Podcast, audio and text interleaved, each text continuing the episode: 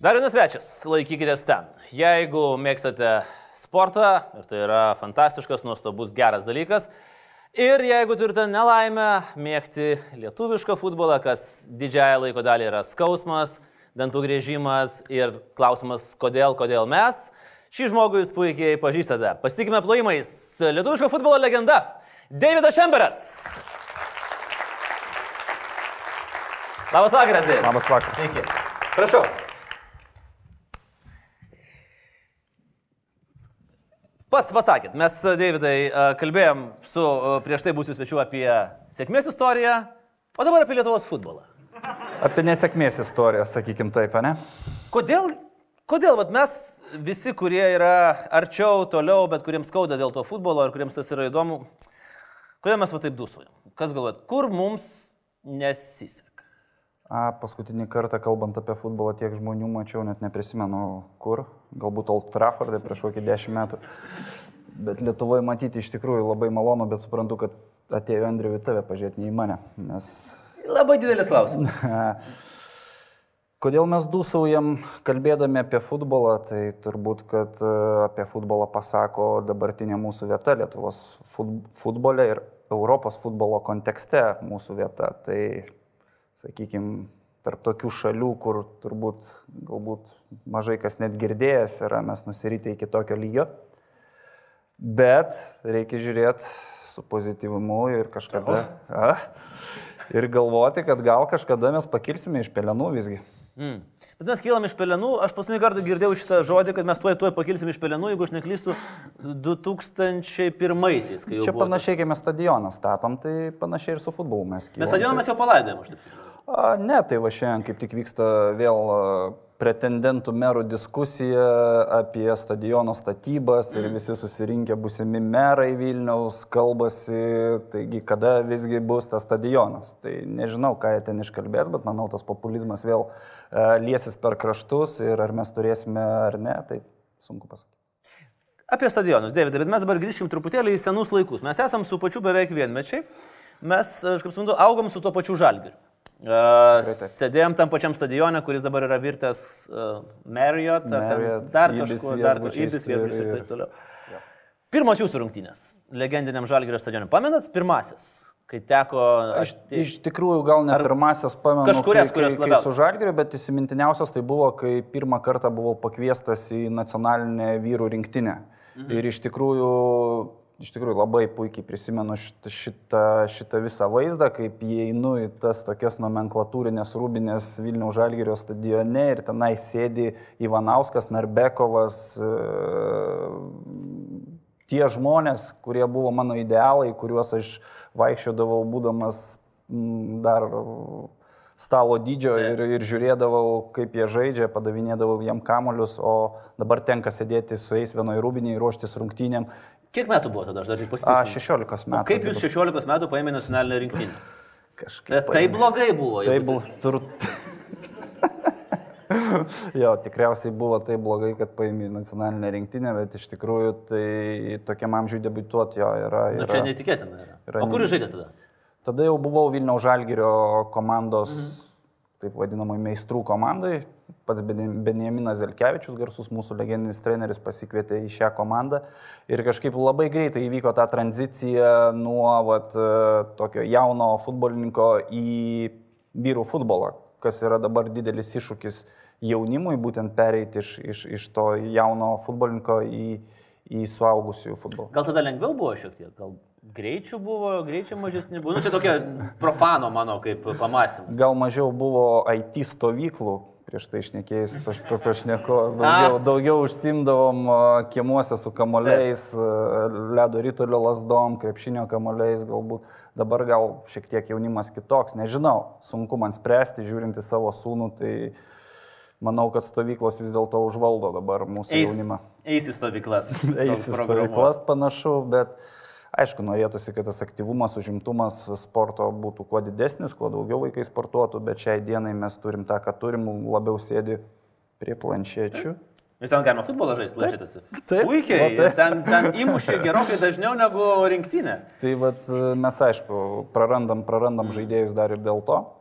Bet čia ne mes vieni, čia ne, ne mūsų vienų problema, čia viso ja. pasaulio problema. Viso pasaulio problema, bet kažkodėl ryškiai labai matosi ant mūsų. O, čia yra super aforizmas. Viso pasaulio futbolo problema ryškiausiai matosi ant mūsų. Dar nepabėgim nuo, tos, nuo, nuo to istorinio žalgerio, man vis tiek labai smagu prie jo grįžti. Yra uh, iš legendinių futbolininkų. Gal kuris buvo va, tas, tas pats pačiausias pačiam? Aš iš tikrųjų, man prieš akis stovi visi legendiniai žalgerio žaidėjai ir, ir Baranauskas, ir Sukristovas, ir Jakubauskas, ir Asiukas, ir, ir visi, ir Narbekovas, Ivanauskas, Friedrikas. Na, tiesiog tai buvo žmonės, ne žmonės, atsiprašau, žaidėjai. Dabar daug žmonių futbolo aikštėje, bet būdavo anksčiau žaidėjai. Tai Ir dažnai pašalinių žmonių, ar ne? Pašalinių irgi būna. jo. Tai, tai va, tai mm, grįžtant prie tos minties, tai jie buvo mano idealai ir aš tikrai puikiai visus atsimenu. Na, tai buvo legendos iš tikrųjų Lietuvos futbolė ir anksčiau futbolas tais laikais nebuvo, nebuvo žemesnio lygio negu krepšinis, mm. maždaug būdavo vienodai ir, ir, ir žiūrovų susirinkdavo pilnas stadionas Vilniaus Žalgirio O dabar sakau, dabar čia daugiau susirenka negu į A lygos rungtynes, tai apmaudu. Ir gerokai daugiau. gerokai daugiau. Tai aš turbūt irgi, jeigu prisimenu, man Sigitas Jakubauskas turbūt buvo tas, vat, kiekvieną kartą, kai aš jisai prieidavo mušti baudinį, man ten kažkas virpėdavo širdinės, aš žinau, kad kažkokia magija dabar toj bus. Grįžkim prie jūsų, Davidai. Uh, ir labai, dar viena labai greita tranzicija, jūs labai greitai išvažiavote žaisti į, Taip. į, į užsienį. Taip.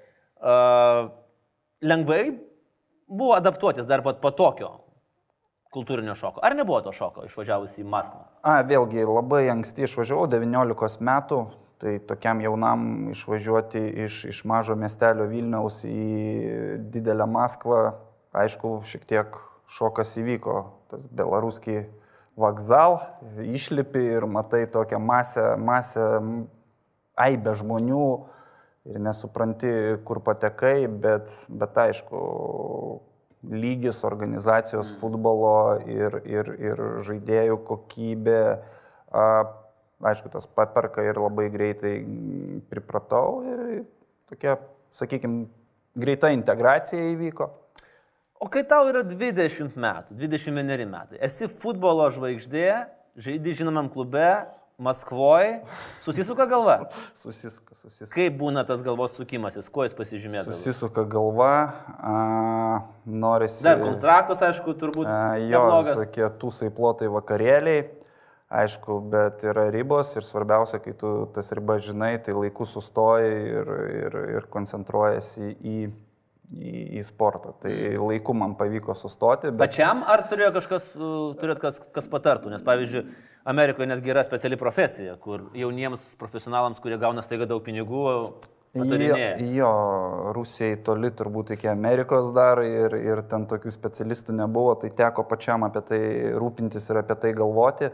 Tai tiesiog pats e, laiku sustojau ir supratau, kad, kad reikia koncentruotis į sportą, o ne į pašalinius dalykus. Tai, uh, Tai va taip ir vyko lengvai. Dar vienas galvos susisukimas jums buvo, kai pamatėt, ką jums siūlo Maskvos CSK. Irgi, cituoju, e, kontrakto prasme.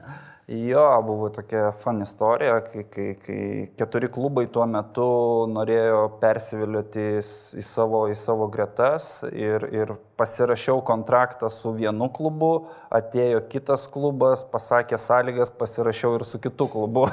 Tai tikrųjų, nes kodėl ne? Nes kodėl ne? Na, šiaip pagal, pagal FIFA nuostatas tai negalima daryti, bet tada buvau pakankamai jaunas, neapdairus, tokį dalyką padariau, tai, tai vos neįvyko tokia diskvalifikacija kaip žaidėjo, nes tai yra sankcijos už tokius dalykus, bet, bet klubai tarp savęs vis dėlto ten rado sprendimą, susitarė ir, ir taip patekau į tą klubą, kuris, kuris, kur, kuris realiai mane išūkdė į žaidėją, mm. į žmogaus.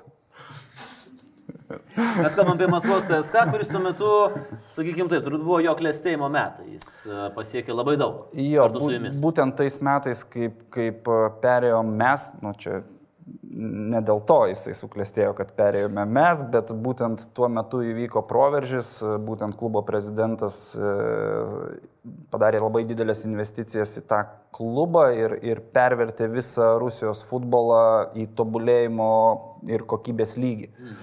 Tai įvyko toks labai, labai ryškus kokybės šuolis, visi kiti klubai suprato, kad reikia temtis pagal šią komandą, nes kitaip net laikys konkurencijos ir tiesiog mes viską šluosime nuo savo kelio. Tai džiugu, kad tai įvyko ir, ir, ir at, realiai daug labai pasiekėme, jeigu aš dabar neklystu, per, per 15 metų virš 20 trofėjų aukščiausio lygio iškovojo šis klubas. Ne tik vidinėme čempionate, bet ir Europos taurę laimėjo, ta prasme, UEFA Europos taurę, dabar Europos taurę tiesiog. Koks jausmas buvo žaistuose rungtynėse? Tuose rungtynėse gaila, kad nepavyko žaisti nuo pirmų minučių, išėjau tik ant keitimo, bet, na, aplamai jausmas žaisti tarptautinės rungtynės jisai yra išskirtinis, tiek žaidžiant už Lietuvos rinktinę, tiek žaidžiant čempionų lygoje ar, ar Europos lygoje, žaidi prieš geriausius, geriausius žaidėjus, žaidi prieš geriausias komandas ir, ir na, tiesiog kažkaip susitapatini su jais, pradžioj kaip buvau jaunesnis, tai galbūt ir buvo šioks toks stresas, bet vėliau, vėliau kai kiekvieną savaitę prieš juos žaidži, tai kažkaip tai, to, tokie patys žaidėjai, nieko ten ypatingo nėra iš tikrųjų. Tik mums tai atrodo, e, Lietuvos futbolo kontekste, žiūrint, kad ten yra kažkokie kosmonautai, kažkaip kitaip žaidžia. Iš tikrųjų, absoliučiai nieko ypatingo. Yra tik 2-3 kosmonautai futbole. Šiai tai kas, dienai kas? tai Mesis, e, Ronaldo ir galbūt dabar Sala, ne? Mm. O tais laikais irgi ten 2-3 buvo tokie iš kito pasaulio, kaip Zidanas, e, galbūt kiti, bet, bet didžioji masė tai absoliučiai tokio pačio lygio žaidėjai. Tai žodžiu, iškirsti bet kurį nebuvo problemų. Bet kurį lengva. Ką, jau ką galėjom, tai galėjom. Iškirsti. Jau ką mokėjote, ne? Jau ką mokėjom, tai mokėjom.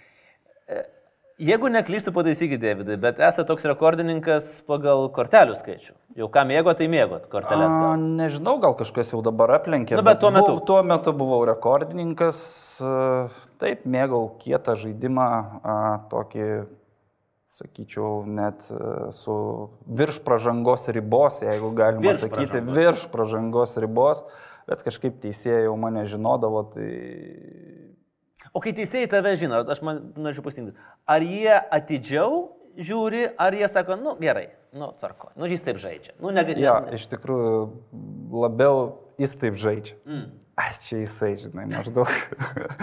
tai, tai kažkaip tolerantiškai žiūrėjo į mano pražangas ir, ir su laiku jau priprato ir nekreipdavo dėmesio, ai čia vėl jisai. Ai, vėl iš, išnešė su dviem neštuvais, nu, bet jo, čiagi, čiagi bet Davidas. Bet mūsų. iš tikrųjų, tai jeigu šnekant, tai niekada niekam nesukėliau traumų mm. pasiekmių tokių, kad, kad, kad vis dėlto žaisdamas kietai, net grubiai galbūt, sakykime, bet, bet niekada nebuvo tokio, kad, kad reikėtų žmogų transportuoti į tam tikrą medicininę įstaigą. Mm.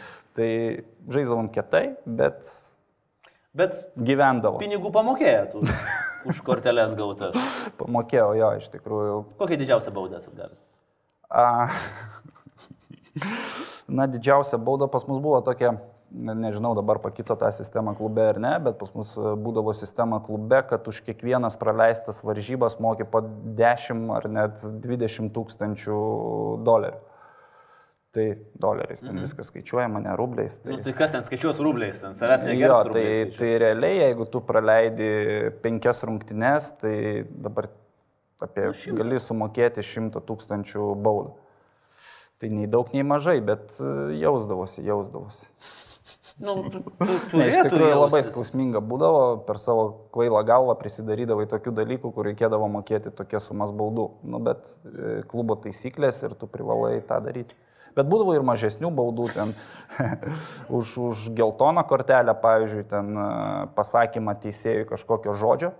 Ir, na, irgi kenčia klubas, nes keturios surinktos kortelės tu praleidi sekančias rungtynes, tai, tai už tokią paprastą kortelę tai galėjai sumokėti ir 10 tūkstančių, pavyzdžiui, kaip, kaip bauda. Bet teisėjui mėgdavot pasakyti šį beitą. Na, manau, nėra tokio žaidėjo, kuris teisėjui nemėgsta pasakyti šį beitą. Nu, gal... Ką esate tokio? Oi, ne, iškirpsit vis tiek. Tikrai ne. Nu, kam sakyti, jeigu iškirpsit? tai- Patikėk manim, iš tikrųjų, Davidai, čia yra ta, kur politikai kartais pasako tie, kad net patys jau nebegali. Ne, nu, sakykit drąsiai. aišku, ten tie kiksmažodžiai lėdavosi per kraštus, tai, tai prisakydavai visokių nesąmonių, bet aišku, reikia rasti ir, ir, ir tokio, tokio, tokios stiprybės po, po, po rungtinių prieėjus jų atsiprašyti, nes iš tikrųjų supranti jau po rungtinių, kai emocijos nurimsta, kad perlinki tą lasdelę ir, ir Nu, kai jau teisėjas yra verkia, žmo- išėjęs iš aikštės, tai turbūt. Tai yra žmonės dirbantys savo darbą, o tu su jais va taip elgies, nu tai nėra gerai, aišku, ir stengdavausi visą laiką, kiek įmanoma. Gerai, Atsiprašyk. o va tas spaudimas, ar ne, na, va, tikrai yra futbolininkų ir dabar, dabartiniam futbole, kurie tikrai spaudžia teisėjus. Jis ilgam laikotarpį duoda savo vaisių. Ta prasme, te, teisėjas pradeda šiek tiek vis tiek, nu, vat, ai, reiksis ant manęs, tai gal aš nešvilpsiu.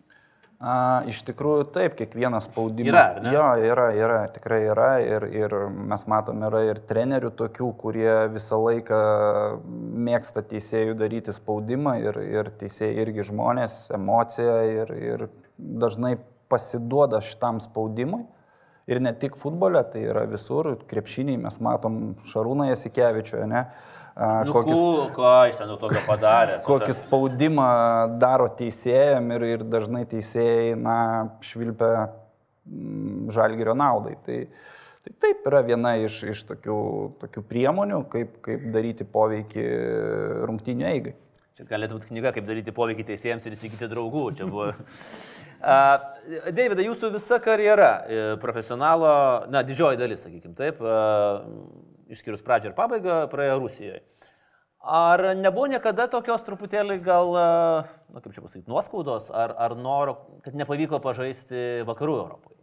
Žiūrint į jūsų, sakykime, tos kartos atstovus. Ne, ar Tomą Danilevičių, ar, ar, ar Stankievičių, ar, ar, ar, bet, ar labai gerai buvo viskas ir tiesiog nieko nesinorėjo keisti.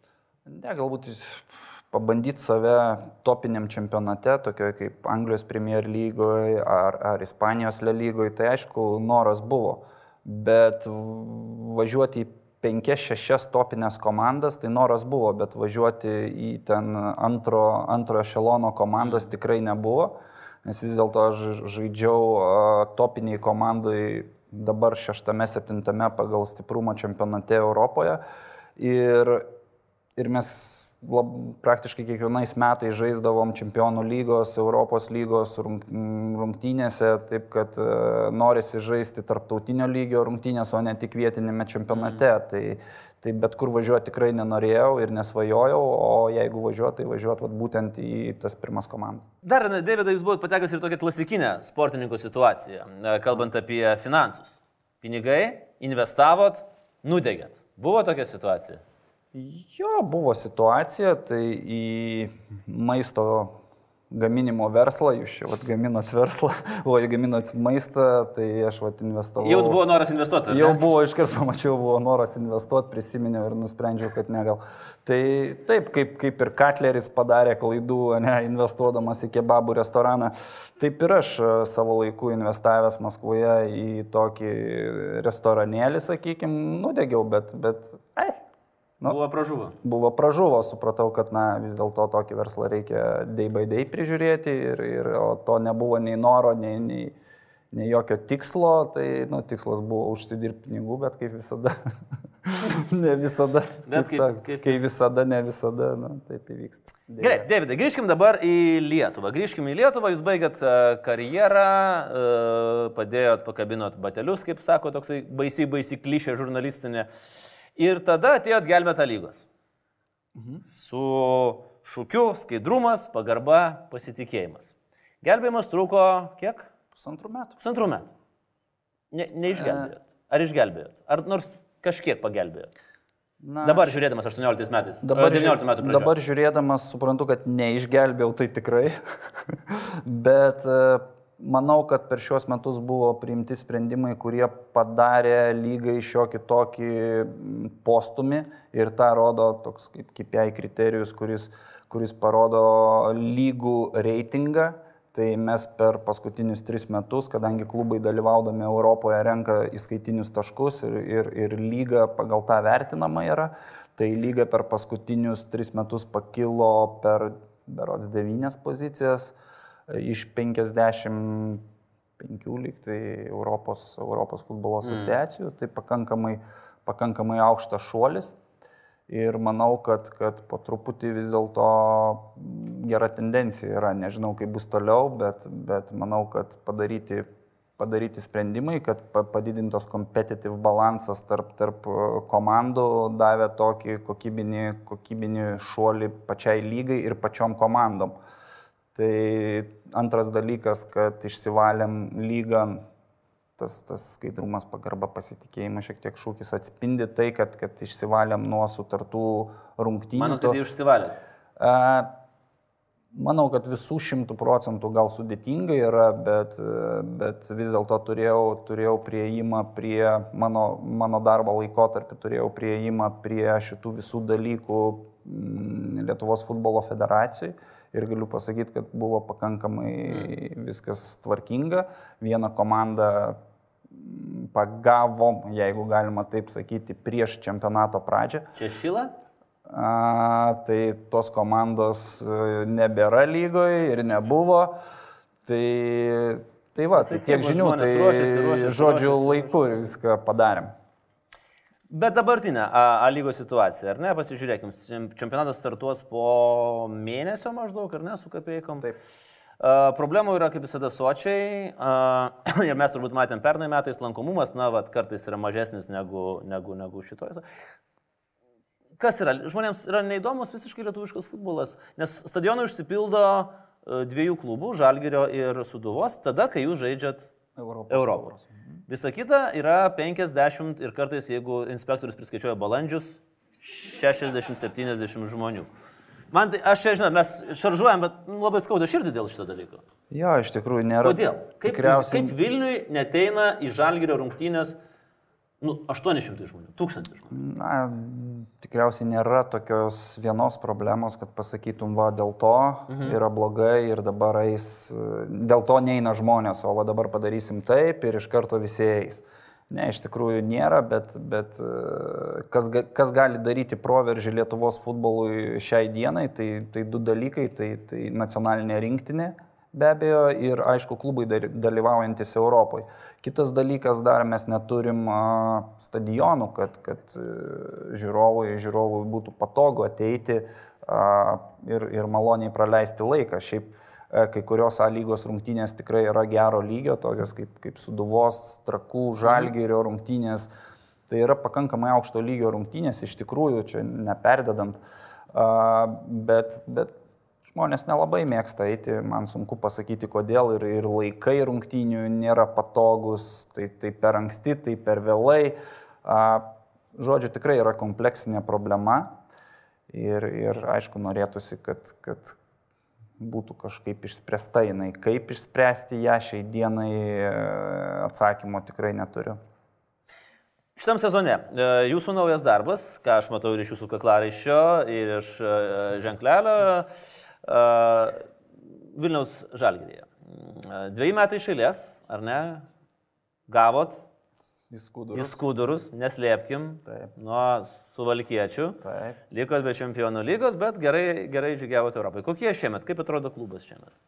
Atrodys, gal dar jis dar nesukompletuojas iki galo. E, Jau sukomplektavom apie 70-80 procentų mūsų sudėties.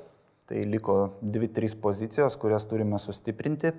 Apie tikslus klubo pas mus klube tokia kaip vertybė susiformavusi, net kalbėti nereikia ir, ir taip visiems aišku, ko šitas klubas siekia Lietuvoje ir Europoje irgi. Tai kiekvienas žaidėjas jau tik patekęs į mūsų klubą, nesvarbu ar tai užsienietis, ar tai lietuvis, jisai būna supažindinamas su tais tikslais ir vertybėm. Lietuviai, aišku, jį jau žino, užsieniečiam reikia perteikti visą tai. Tai tik aukščiausi tikslai visur. visur. Davidai, pastaruoju metu iš jūsų pasisakymų atrodo, jūs esate tam tikroj opozicijoje, jeigu būtent federacijos atžvilgių. Kas, kas sudaro maždaug 99 procentus Lietuvos futbolo gerbėjų. Yra tame tiesos? Na, aš tai nepavadinčiau opozicija, aš tiesiog galbūt uh, norisi parodyti iš tikrųjų tas skausmingas vietas Lietuvos futbole ir apie tai kalbėti, netilėti, neslėpti, jas viešinti, grininti ir primdinėti sprendimus, kad gerinti situaciją Lietuvos futbolo ir ne tik Lietuvos futbolo, aplamai Lietuvoje sporto problema yra.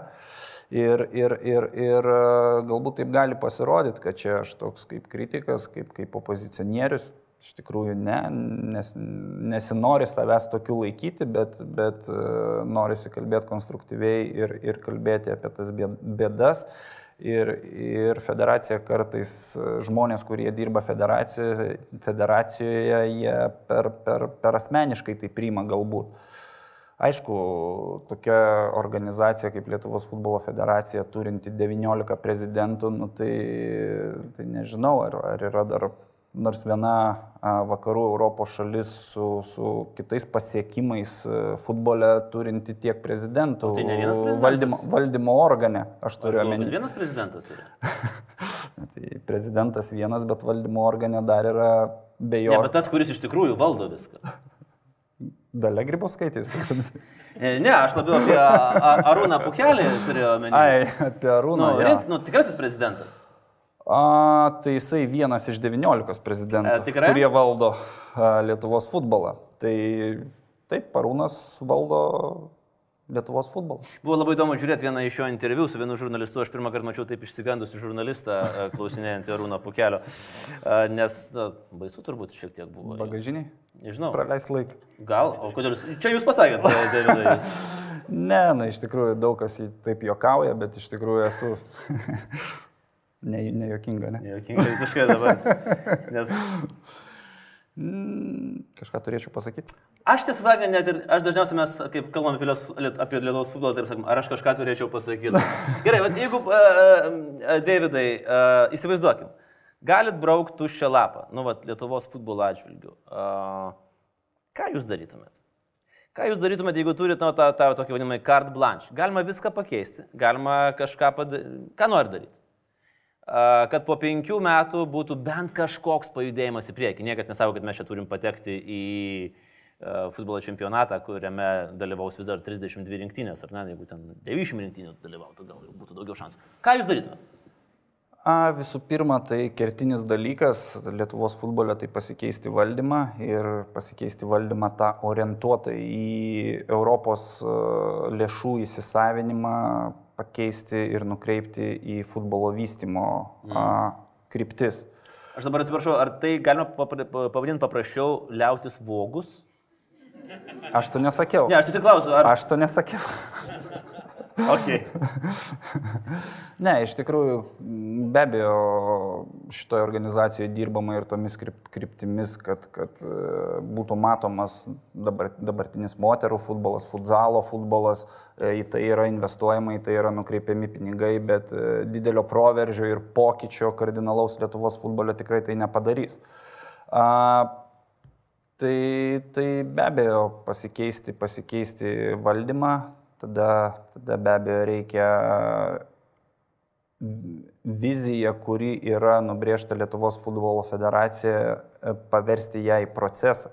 Procesą orientuotą į rezultatą ir, ir, ir tada, tada judėti į priekį, nes kitaip tai... Davidai, o jūs e, vis tokia skrajojančia idėja, čia, kuri yra galbūt fikcija, kaip jūs galvote, ar tai yra fikcija, ar tai yra utopija, kad ateina vyrukai juodais kostiumais iš tarnybų, pasikelia visus popierius, susirenka visus, kurie netitinka tų popierių, kurie įsisavino lėšas. Tada FIFA sako, vyručiai, pailsėkit už valstybę, už e, kišimas į futbolo reikalus ir mes pailsim. Be nieko. Be europinių turnyrų, be rinktynės ir panašiai. Ir per tą laiką išsivalo viską. Na, yra Europoje ir tokių pavyzdžių. Panašiai tvarkėsi Graikijos futbolo federacija. Mm, aštuoniem mėnesiam įvedė valdymą UEFA ir FIFA, atvažiavo į pačią šalį, bet ten buvo, vat, kaip jūs paminėjot, e, su korupcija surišti, surišti faktai. Tada gali UEFA ir FIFA jau, jau atvažiuoti ir bandyti daryti įtaką ir, ir pokyčius čia mm. Lietuvoje. Tai nežinau, ant kiek, ant kiek tai įmanoma, ant kiek tie juodi žmogeliukai ateis, paims, suras ir pasakys. Man sudėtinga sakyti, bet kiek žinau, dabar e, pakankamai tvarkingai yra tvarkoma buhalterija, kad kuo mažiau būtų tokių dalykų. Jūs dabar sakote ir viduje juokitės, aš matau. Gerai, nuo vieno iki dešimties. E, e, jeigu vienas yra visiškas pesimizmas, dešimt yra visiškas optimizmas. Kiek jūs savo paskirtumėt balų kaip žmogui, kuris tiki Lietuvos futbolo ateitimi, kol mes dar gyvi? A... Nes metų tai nemažai vis tiek ir vienam, ir kitam. Ką jūs turite omeny optimizmą? Tai prasme, optimizmas, kad... Kad patektumėm į Europos ne, čempionatą. Kas jums, kad jūs sakot, kad su Lietuvos futbolu viskas yra tvarkoj? Sakykim taip, ar ne? Nu, tugi negali visą laiką tikėtis, kad tu pateksi kiekvienais metais į čempionatą, bet kad viskas yra tvarkoj. Vat Islandijos atvejais. Aš tikiu, kad per artimiausią dešimtmetį mums įmanoma susitvarkyti visą jaunimo ūkdymo sistemą. Ir tada dar po kokių keturių metų, tai kokį, tarkim, 8-12 metų mums reikia, kad, kad mes užsiaugintumėm tokią kartą, kuri, kuri būtų pajėgi varžyti su Europos pajėgiom rinktinėm, sudaryti jai tokią konkurenciją aikštėje ir, ir, tų rezultatų tikėtis. Tikėti, tai man, 25 metai? Ne, manau, kad 10-12 metų tikrai reikia. Tai va, toks būtų mano optimizmas. A, tai čia optimistinis variantas? Čia optimistinis variantas yra 10-12 metų. Mhm. O realistinis? Mm, sunku pasakyti, gal 20, nežinau. 20, ne. Nu, gal sulauksim, reikia tik tai sveikai maitintis. Uh, Davidai, pabaigai, mes visų visą laiką prašom, uh, parekomenduokit uh, knygą, kurią galbūt kažkada skaitėt, galbūt dabar skaitot, galbūt kažkaip, bet jums yra įstrigus ir norėtumėt pasidalinti su laikytis ten žiūrovas. Nežinau, galbūt, galbūt Alekso Fergusono knygą pasiūlyčiau autobiografiją, tai iš tikrųjų labai įdomi knyga ir verslo sporto vadybai daug įdomių dalykų galima pasiskaityti. Tai galbūt dabar į galvą atėjo Tai labai gerai, bet tas tai- ir kas yra ateina į galvą, Alekso Fergusono autobiografija iš tikrųjų turbūt didžiausias uh, ir žymiausias, ko gero, pastarojo menedžeris. 50 futbolo. metų futbolo menedžeris, treneris ir coacheris, tikrai uh, geras dalykas. Davidai, ačiū už uh, pokalbį, gero sezono, ačiū. linkiu ir optimizmo, sėkmės Žalgiriui, čia suvenyras nuo mūsų ačiū. ir prisiminimai. Ačiū, Davidas Šemberas. Ačiū. Buvo šį vakarą su mumis.